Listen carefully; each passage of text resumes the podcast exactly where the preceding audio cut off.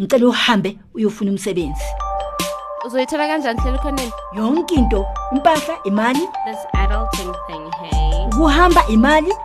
Withi nakayitlhoga thelele awunamoto imali. Fanele kube nemali phakathi. Sebenza. Sebenza sebenza. Yava mntanam? Sebenza. Welcome back to another Sebenza Live uh, podcast here with Ndokozo and Tango on Behind the Hustle. Hope you guys have been well. How are you doing, Ndokozo? i'm good thanks and yourself I'm great, I'm great, I'm great. I'm really excited about today's topic. We're going into education. yeah. Um, and we're joined by Corrin Varady, and he is from Idea Digital. Corrin, how are you? I'm very well. Thank you for having me. Ah, anytime. Um, let's jump into, before we go into our today's topic, let's go into who is Corrin and where are you from? I'm, I'm originally Australian, but I'm a very, very proud honorary South African uh, these days. And what was your upbringing like? Look, I, I, I know my upbringing was in, extremely privileged because my parents, uh, my father was a refugee, my mother came from a very small rural town in New Zealand, and both of them um, met while in, in the education space. Actually, my father was my mother's professor, and um, they met and drove education to be able to give me the life um, that I have been able to have. So I've been able to travel the world and see different education systems. I've been able to pursue a lot of um, my own education up to doctoral level uh, because of what they were able to give me.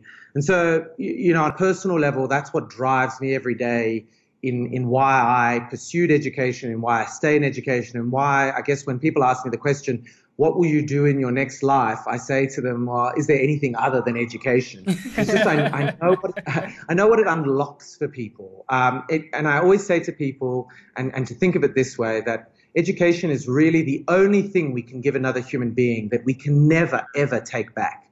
Um, it is something that is permanent, and I think that's a really important message as we're going through all of these sort of challenges and, and obstacles and experiments in, in South Africa. And it's a global problem, especially now when we look at South Africa as well. But wh- how did you come across starting Idea Digital?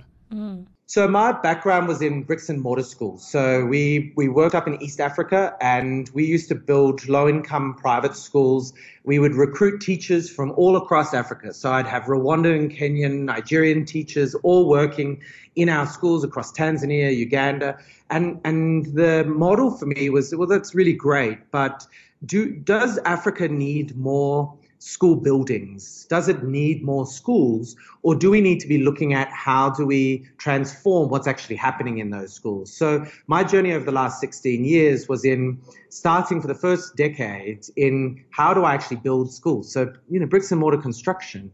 Then we, we ended up moving um, into northern Uganda during the conflict between the Ugandan Defense Force and the Lord's Resistance Army. And we were educating child soldiers. So we would rehabilitate children who would leave the rebel groups um, and we would put them back into education, leadership, and sports programs to try to help the society to see what happens um, in a generation post conflict.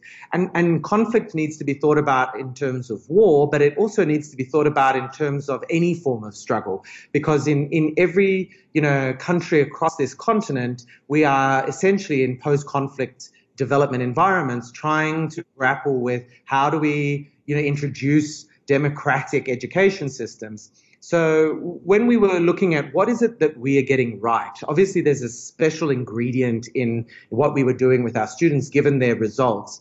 We realized that it was the access to really high quality resources and the training of students so that they understood what it meant to be a self-directed learner.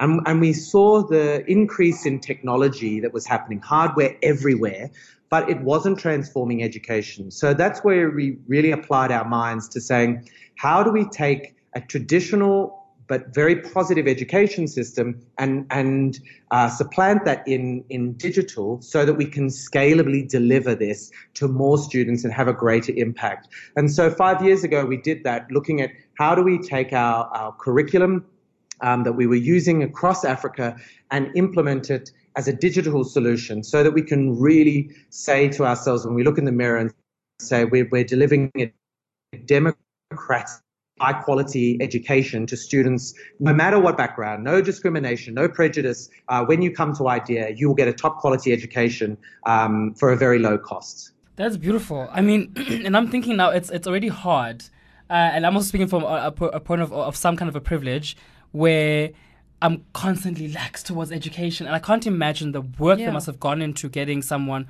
who is in a situ- political situation where they're not um, able to access education, especially the kind that you're offering. What was that like? Yeah, so so it was an extraordinary journey, and I always say to people when they say, especially having worked with the child soldiers of Uganda, you know, they say to me, but but that must have been really difficult, and I said, but it's not my story, right? I mean, I haven't had to go through that struggle.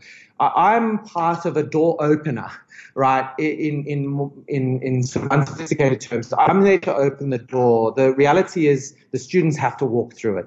Now, when you add in you, political instability, socioeconomic inequality, gender inequality, um, and then you also add in that these children, most of them are coming from parents who, for no fault of their own, have had no education themselves, so functionally illiterate, and desperately want to support their children. But the system is not such that if you've had all of those challenges, that you can turn around and say, Well, I know what it means to have a quality education. To you, attending school, and to many of these parents, just mere attendance is a box tick to say, um, I've done the right thing by my child. But what we saw was that we may have a 100% attendance rate and still be struggling with 10 to 15% pass rate. Well, how, how do we reconcile those two and still tell ourselves that we are working towards free um, and democratic education? We, we simply can't. So, uh, our journey is about how do we facilitate the door opening and how do we ensure that there is an awareness of parents and students and teachers for that matter um, that really understand what a quality education is and not just access to an education full stop. Now, when you look at South Africa, it's it's it's it's it's it's it's, not quite it's not too unique to a lot of what we experience in the continent, but it's a quite different situation. Whereas education is extremely accessible. But would you say that, uh, or, or rather, my question is, how was Idea Digital and, and sort of the ed tech that you bring here? Um, how, how was the relationship with, with, with, that here in South Africa to what the, the service you're offering? Yeah, you know, I, I'd agree with you. I think that there's a lot um, that's happen, happens in statistics in South Africa more so than in other countries that that that bring us down or put us down. You know, we have to we, we have to admit that there are challenges in education in South Africa, but actually, South Africa of all the countries um, on this continent has a greater opportunity. We have greater funding, we have greater access to resources, and we've got a more globalized um, market, labor, and education. So there's no reason we can't uh, achieve the sorts of results that we imagine. It's just that I think we spend a lot of time in the problem finding space and not in the problem solving space. Um, and that can be political and social uh, uh, reasons behind that. So, so what we're trying to do is say, okay, within the history of the last 25 years of trying to find a way to uh, reach as many students as possible, what may have happened is that we have just provided greater access. And so a part of what is trying to experiment with is to say we actually need to have access, but we need to be driving outcomes.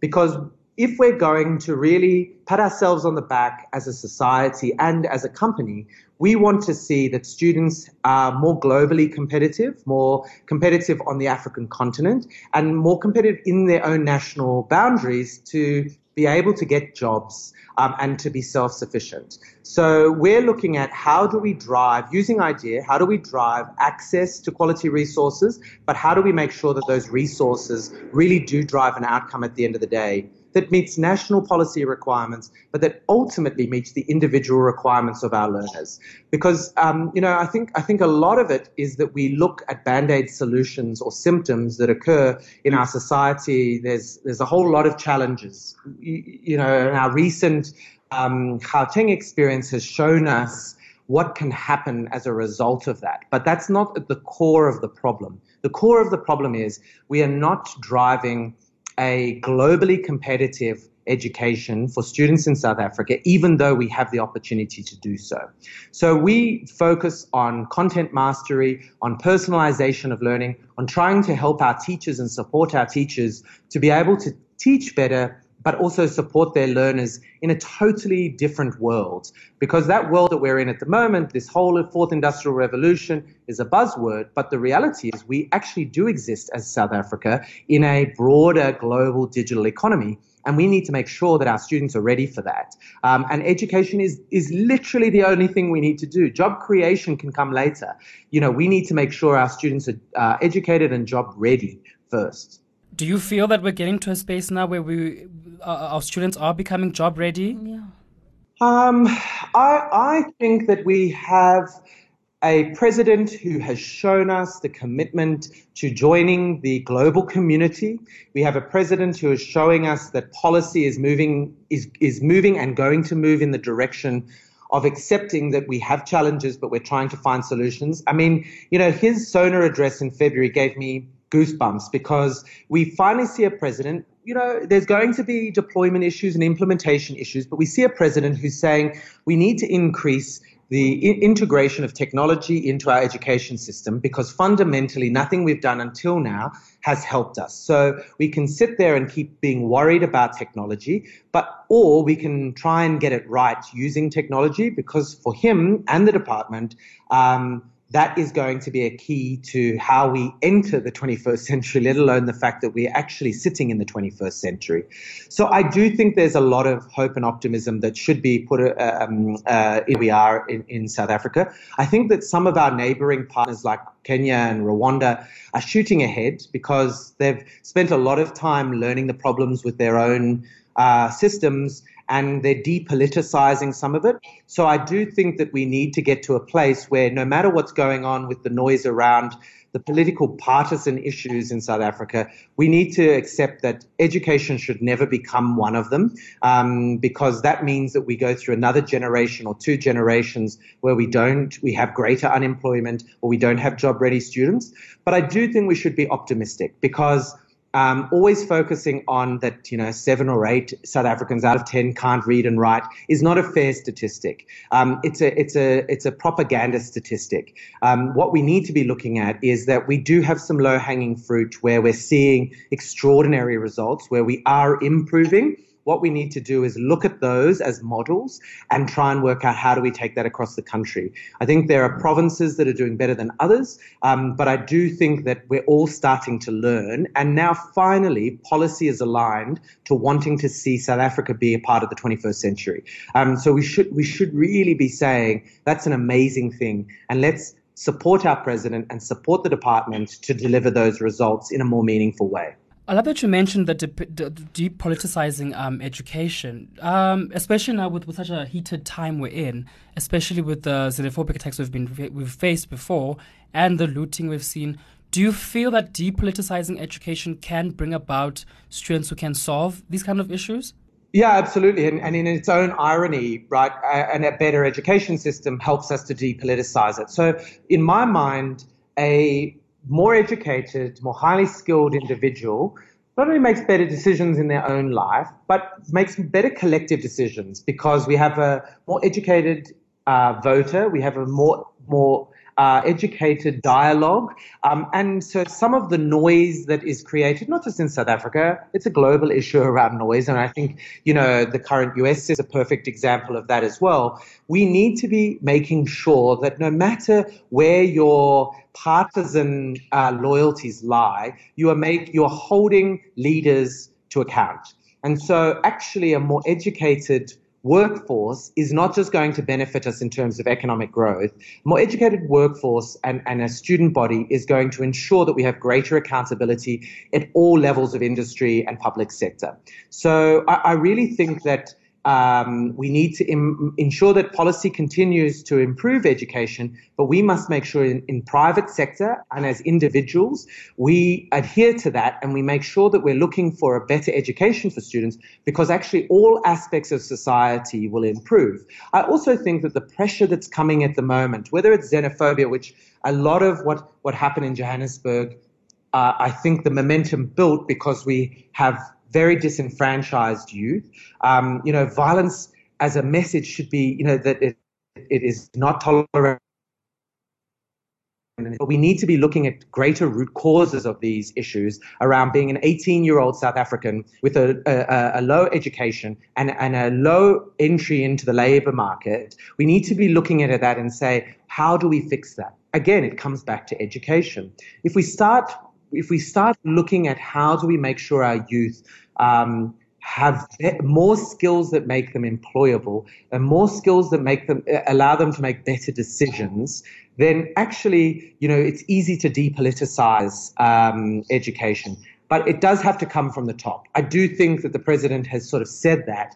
Um, I just think that we need to rally behind that message and ensure that he has the space to be able to create it because otherwise we're going to end up in a position where we have these wonderful policies that are not being executed. And that, and that is a reality of South Africa. That is a reality globally. Progressive policy um, but poor execution because we spend so much time trying to debate issues and not try and really use it for problem solving. Do you feel perhaps there's also a comprehension problem with not understanding just not only the policies but the constitution itself? Yeah.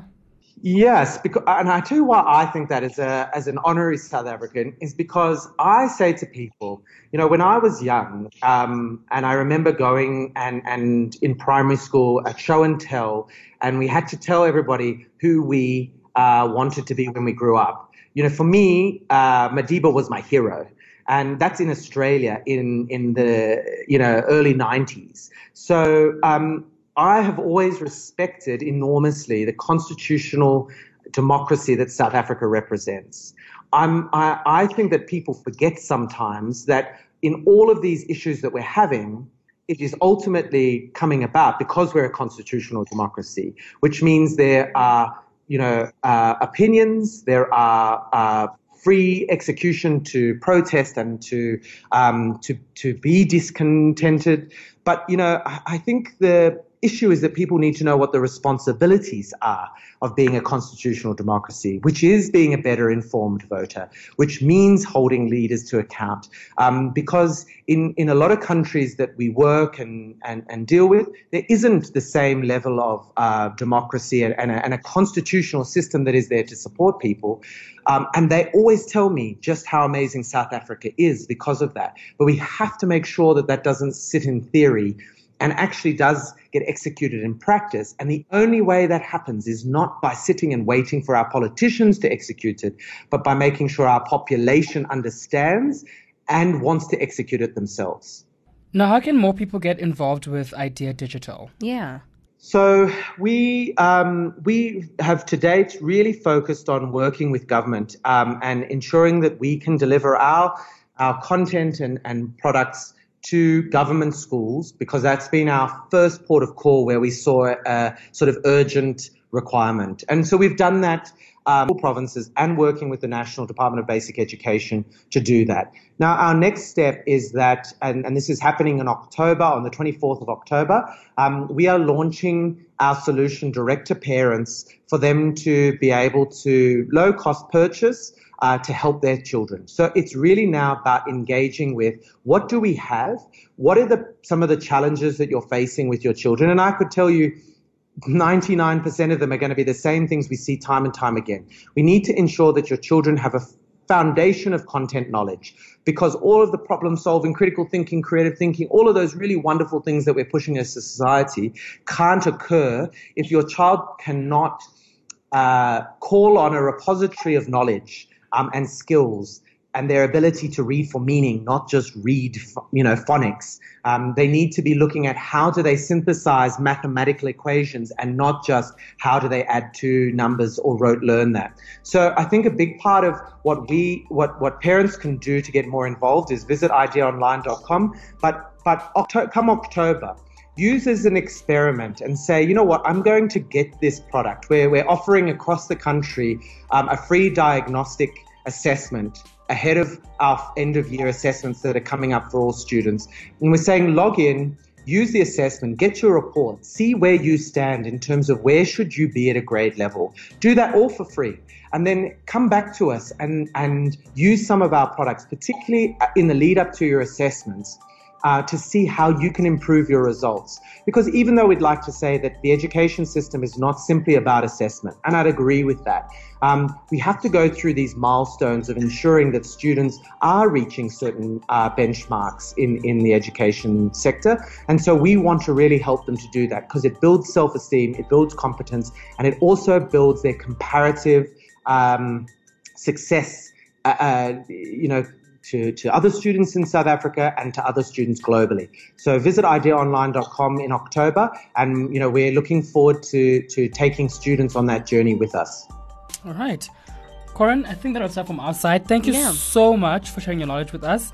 Um, is there any social media actually they can follow besides the website? Yes, so we're on Explore My Idea, both on Twitter and Facebook. Um, and if you follow, you'll see we do a lot of interviews and we have a lot of, of the latest research that's showing uh, how digital will positively Im- influence your child's education and not just, uh, you know, that you need to be concerned about screen time. At the end of the day, digital education is not social media. Um, we are providing an education tool to help your students get uh, uh, more proficient in their content areas. Um, so please check us out on Facebook and Twitter, and uh, you know, drop us a line on on ideaonline.com if you if you have any queries. Nice. Perfect. All right. Thanks so much, Corrin. again. Thank Enjoy you your so day. much so for your much. time. Thank you.